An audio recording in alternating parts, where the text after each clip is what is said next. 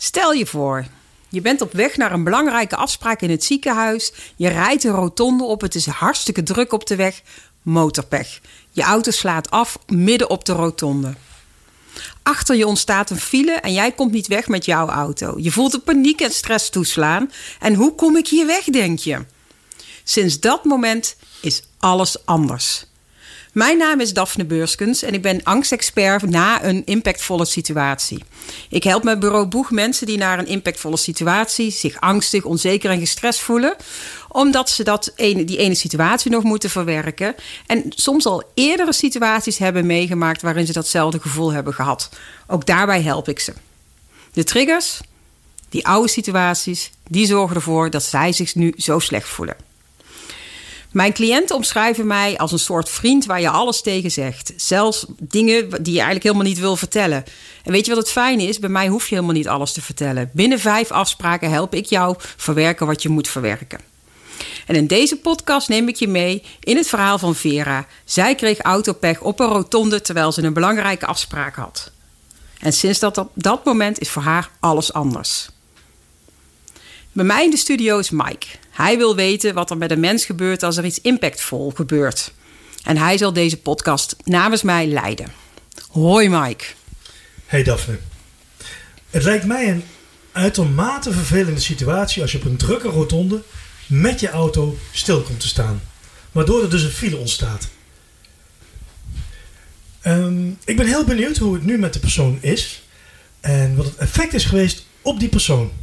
Nou ja, Vera, die, uh, precies wat jij zegt, hè, die vond het echt afschuwelijk. Dat zij stil kwam te staan op die rotonde. Mm uh, en het duurde ook vrij lang voordat de auto weer het deed. En jij, nou ja, ik herken het zelf ook wel. Niks zo vervelend als je motor afslaat en achter je zie je een rij van auto's ontstaan. Het helpt niet mee om ontspannen proberen je auto weer te herstarten. En je heel veel ongeduldige mensen achter je die ja. naar het werk willen, die naar huis ja, willen. Die precies. Alles tegenwoordig dan maar zo snel mogelijk weer weg willen. Ja. Dat lijkt me uitermate vervelend. Ja, nou, dat was het voor haar ook. En uiteindelijk kreeg zij haar auto wel weer aan. En uh, is ze verder gereden naar de afspraak in het ziekenhuis. Maar ja, ze was eigenlijk gewoon te laat. En die arts, ja, die heeft natuurlijk ook zijn agenda. Dus zij kon niet meer terecht bij de arts waar ze de afspraak mee had. Ja. En ze is toen heel teleurgesteld naar uh, huis gereden. En daar kwam uiteindelijk al die stress eruit. En uh, nou ja, ja, misschien ken je, ik weet niet of jij dat kent. Je bent uh, anders dan ik ben. Maar als ja. bij mij de stress eruit komt, dan, nou, dan moet ik huilen. Of dan kan ik heel boos worden. En dat had zij ook. Zij kreeg echt allerlei emoties waar ze last van had. Ja. En wat gebeurde op het moment met haar? Wat was de consequentie van dit? Ja, het was dus, het, het, ze had het niet door, maar beetje bij beetje ging ze steeds meer de auto vermijden. Het rijden op de weg durfde ze steeds minder goed. Ze werd steeds banger. Uh, ze ging ook andere situaties uh, vermijden. Ze werd gestrest, onrustig. En ze merkte gewoon eigenlijk dat ze de grip kwijtraakte op zichzelf en op die situatie. Oh, ja. En ze werd steeds banger. Ja, en daardoor kwam ze steeds minder vaak eigenlijk ook de deur uh, uit. Ze bleef echt thuis na dat dit gebeurd was met haar? Nou ja, steeds vaker. Bijvoorbeeld als haar kinderen dan naar het sporten moesten. Ja. En uh, die moesten gebracht worden of naar een wedstrijd of zo. Dan ging ze allerlei smoesjes bedenken waarom ze dat niet hoefde te doen. Of ze stuurde ze op de fiets ja. in het koude weer of zo. Wat het ook niet helemaal goed voelde. Of ze, ze zei tegen haar man, kun jij de kinderen bijvoorbeeld wegbrengen? En zo merkte ze dat ze minder makkelijk met haar vriendinnen afsprak die niet in het dorp woonden. Uh, ging ze minder makkelijk uh, een keertje een dagje weg ergens heen. Dus ze ging, die auto werd echt een ding. Het rijden werd steeds groter en steeds spannender. En op het moment dat ze dus ook die auto instapte, merkte ze ook gewoon dat ze angstig was. Mhm. Bang was dat er een ongeluk zou gebeuren. Bang dat er een auto weer zou afslaan. En dat, nou ja, ze werd alleen maar van kwaad tot erger bang. En kun je uitleggen waar, die, waar dat dan vandaan komt? Kun je uitleggen waarom dat het zo is en waar die reactie dan vandaan komt? Ja, nou, dat is, dat is echt helemaal niet raar dat dit gebeurt. Is eigenlijk heel normaal, want zo, zo, zo werkt ons brein. Um, als je iets meemaakt, dan wordt dat opgeslagen in je lange termijn geheugen. Nou, super handig, want daardoor hoef je niet iedere dag opnieuw het wiel uit te vinden. Hoef je niet te bedenken hoe je moet fietsen, hoe je moet lopen. Want dat zit allemaal in je lange termijn geheugen opgeslagen. Dus dat, dat is heel handig. Ja. ja, dat zijn echt heel erg de voordelen. Um, Dus als er iets is opgeslagen, wat we dan de hele dag doen, is dan toetsen we eigenlijk van: hey, heb ik dit ooit al een keer eerder meegemaakt of nog niet? Um, en zo ja, heb ik dit meegemaakt? Kan ik dan de kennis die ik al een keer heb gehad ook gebruiken in deze situatie? Ja. Nou, en op het moment je iets engs meemaakt of iets waar een heftige emotie bij heeft gezeten, dan wordt er echt een heel grote neurologische verbinding in je hersenen gemaakt. En dan uh, ga je eigenlijk de hele dag checken of je niet nog een keer zoiets ergs mee kan maken. Uh, en die, nou ja, elke keer als je iets vergelijkbaars meemaakt, komt er nog een neurologische verbinding bij. En ons brein is zelfs zo slim dat als je er alleen al aan denkt, dat hij denkt: oh, ik moet er nog een neurologische verbinding bij maken. Dus op een gegeven moment zijn is er iets engs gebeurd? Zijn er kleine andere enge dingen gebeurd? Heb je al vooruit gefantaseerd wat er allemaal kan gebeuren? Dat is dus één grote neurologische verbinding worden, mhm. geworden. En die neemt eigenlijk dan een stuk van je hersenen en functioneren over. En dat is dus ook bij Vera gebeurd. Ja. En zij merkte op een gegeven moment ook... haar vriendin ging trouwen en haar, de bruiloft was een uh, eindje bij hun vandaan. En dan zou ze dus met de auto heen moeten rijden. En ze had echt zoiets, ja, ga niet. Ik ga gewoon niet meer in die... Ik ga gewoon niet een heel eind rijden naar de andere kant van Nederland voor die bruiloft. En toen had ze zoiets van, maar dit, dit is gewoon niet meer normaal, dit is niet goed, ik moet er wat aan doen. En toen is ze bij mij gekomen. Ja. Is het overigens zo dat een brein uh, negatieve ervaringen beter onthoudt dan positieve ervaringen? Ja, over het algemeen wel, want we zijn geprogrammeerd om gevaar te vermijden. Ja, dus de, en enge, nare, vervelende dingen zien we als mogelijk gevaar. Dus dat wordt veel heftiger ge, ja, geïmprent, noemen ze dat, in je brein dan uh, de positieve dingen. Want heb jij, kun jij nog iets herinneren van wat je hebt meegemaakt in het verleden, wat impact heeft gemaakt, waar je denkt van, oh ja, dat vond ik echt heel vervelend? Nou ja, ik heb ooit een mishandeling meegemaakt, waardoor je daarna, uh, als je in een uh, stapgelegenheid bent, toch op een andere manier om je heen kijkt. En ook eerder een soort van voelsprieten hebt. Daar zit een gevaar. Of hey, daar staat iets op ontploffen, bij wijze van spreken. Hoeft niet eens bij jezelf te zijn. Mhm. Maar wel in de omgeving dat je het toch bemerkt dat er een andere spanning ja. uh, heerst in één keer. En dat je daar echt wel ehm, op, op aanslaat. Ja. Dus dat is wel een, een, een, dingetje wat na die mishandeling veel meer naar voren is gekomen. Ja dan daarvoor. Ja, nou ja, dat is, dat is dus heel herkenbaar. Want jouw brein heeft gedacht, dat wil ik nooit meer meemaken. Ja. Dus ik doe er alles aan om dit te voorkomen. Dus dan ben je overalert aan het scannen of er iets vergelijkbaars is. En misschien dat je zelf, in jouw geval weet ik dat dat gelukkig niet zo is. Al ben je niet, wel veranderd in de loop der jaren, maar niet zozeer daardoor. Dat je ook gewoon, wat, dat zou kunnen zijn dat je nooit meer in een groep mensen wil zijn bijvoorbeeld. Ja, Omdat je denkt, ja, in die groep mensen is het ooit onveilig geweest, daar ga ik nooit meer doen. zo heftig is het gelukkig niet geweest. Nee, nee, nee. Maar het is wel iets wat, wat heel erg ingeprent ja, zit. Ja, dat is, ja. Ja, en dat doet hij eigenlijk goed, hè? want hij wil voorkomen dat je in gevaar komt. Alleen is het niet helemaal reëel om in alle situaties daar bang voor te zijn. Ja, ja.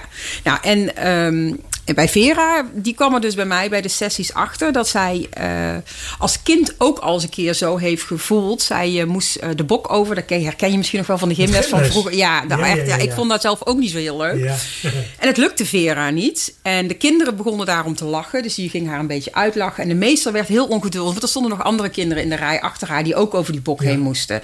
En zij heeft zich op dat moment zo opgefokt gevoeld, weet je, onder druk gezet gevoelde en belachelijk gemaakt gevoeld. Dat ze dacht, ja. maar daar wil ik gewoon niet meer meemaken. Ik wil niet nog een keertje uh, voelen wat ik toen voelde. En daardoor is zij heel erg perfectionistisch gaan worden, is zich altijd hun best gaan doen, heeft zich altijd goed voorbereid om te voorkomen nou, dat er een moment zou komen dat mensen last van haar zouden krijgen, op er zouden moeten wachten, de vervelend zouden vinden. Ja. Ja, je kan je, ja, wat je net al zei, het is niks zo vervelend als je midden in een drukke verkeerssituatie je motor afslaat.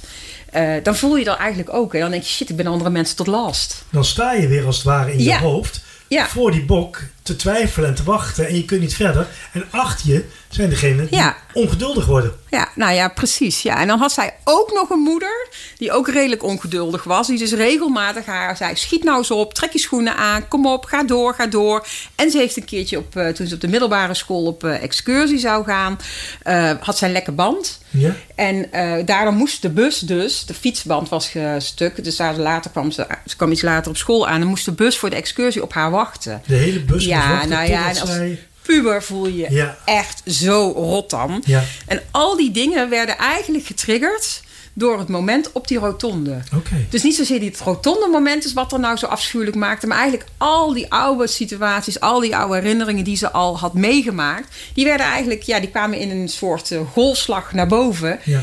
En dat bij elkaar is natuurlijk heel veel. En is ze zich gewoon zo rot gaan voelen. Uh, wat, wat kan iemand doen om, om daar vanaf te komen? Ja, nou ja, hulp zoeken is altijd een uh, mogelijkheid, maar goed, dat hoeft eigenlijk niet.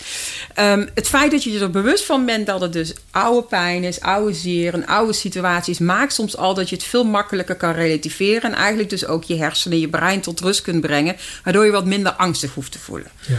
Nou ja, wat ook belangrijk is als het wel gebeurt, wees gewoon lief voor jezelf. Dit, dit is niet gek, het is niet raar, het is heel normaal dat je zo reageert. Uh, kijk dus waar het vandaan komt. Kijk of je uh, er misschien uh, nog iets kan doen om dat te repareren, zodat het gevoel weggaat. Dus vraag je er een keer met, spreek je er een keer met iemand over. Um, ja, en zoek eventueel als je echt merkt dat het je belemmert, of dat het je overspoelt, of dat je denkt ik ben mezelf aan het kwijtraken, of ik heb zulke irreële angsten of gedachten. Zoek gewoon professionele hulp. Want ja. eigenlijk is er heel makkelijk iets aan te doen. Dat merk ik ook bij mij in de praktijk. Ik heb maar vijf uh, afspraken over het algemeen nodig. En dan hebben we dus dat, dat recente situatie verwerkt. We hebben de oude situaties in geval van Vera, dus met het schoolreisje, met die bok en met een situatie met haar moeder hebben we verwerkt. Ja.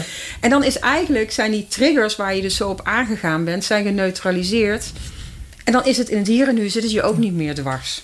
En wees dus niet bang om hulp te zoeken, want zo gek is dat niet dat het op dat moment gebeurt. Nee.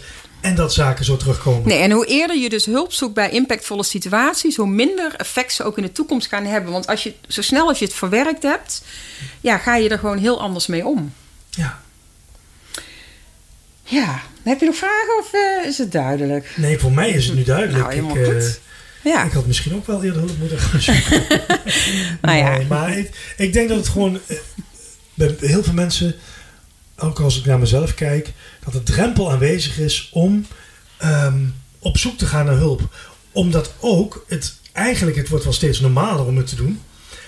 Maar toch is het, denken mensen vaak, oh het zijn maar kleine dingetjes en dat kan mm -hmm. ik zelf wel oplossen. Ja. Als je iets groots hebt, iets groots en meeslepend, dan ga je misschien Ja. ook via een huisarts wel snelle hulp zoeken. Ja, Maar dan wordt je ook sneller aangeboden. Ja, en dit soort kleine dingetjes, ja, is het misschien heel raar van, ah, maar dat kan ik zelf toch oplossen? Ja, Maar dat hoeft dus niet, want je kunt het heel goed ja eh, precies. je laten begeleiden hierin. Nou ja, en ik merk dat ook. Mensen schamen zich er ook een beetje voor. Omdat ze gewoon merken dat ze voor hun gevoel een te heftige reactie hebben op iets wat er is gebeurd, iets recents. Ja. Maar als je begrijpt dat het niet zozeer alleen maar dat op de reactie op dat ene recente is, maar vooral veel meer gaat over toen je veel jonger was en in andere situaties, Ja. dat die, die je erbij cadeau krijgt, ja, dan is het logisch dat je heel erg uit balans kan raken. Ja. Ja, Helder. Nou mooi. Maar ja, het kan zijn als je nu luistert dat het verhaal ook iets losmaakt bij jou. En dat is dus logisch, want wij mensen hebben ook nog het eh, vermogen om eh, alles wat we horen en meemaken naast ons eigen leven te le- leggen. Dus het kan zijn dat je ineens denkt: hé, hey, iets heeft mij getriggerd, ik herken me erin. Is niet raar, is niet normaal, is normaal. Wees gewoon lief voor jezelf en deel je gevoel vooral ook met iemand anders. Dat kan al helpen. Ja, en mocht je denken, ik wil toch even reageren op deze, of de- deze uitzending, deze podcast. Of dat je denkt, ik wil toch eens eventjes met, me, met jou sparren over dingen. Of ik heb een vraag. Stuur een berichtje. Mail me eventueel op daphne.bureauboeg.nl. En als je een keer echt met me wil praten, ga dan naar mijn website en klik op kennismaken, gratis gesprek. Laat daar je gegevens achter en dan neem ik contact op. En dan plannen we een online een, eh, een gesprek in om gewoon even te kletsen en te kennismaken. En eh, dan kijk ik of ik jou ook kan helpen. Mike, dankjewel Graag gedaan. voor de mooie vragen. Tot ziens en eh, tot de volgende keer. Tot de volgende keer.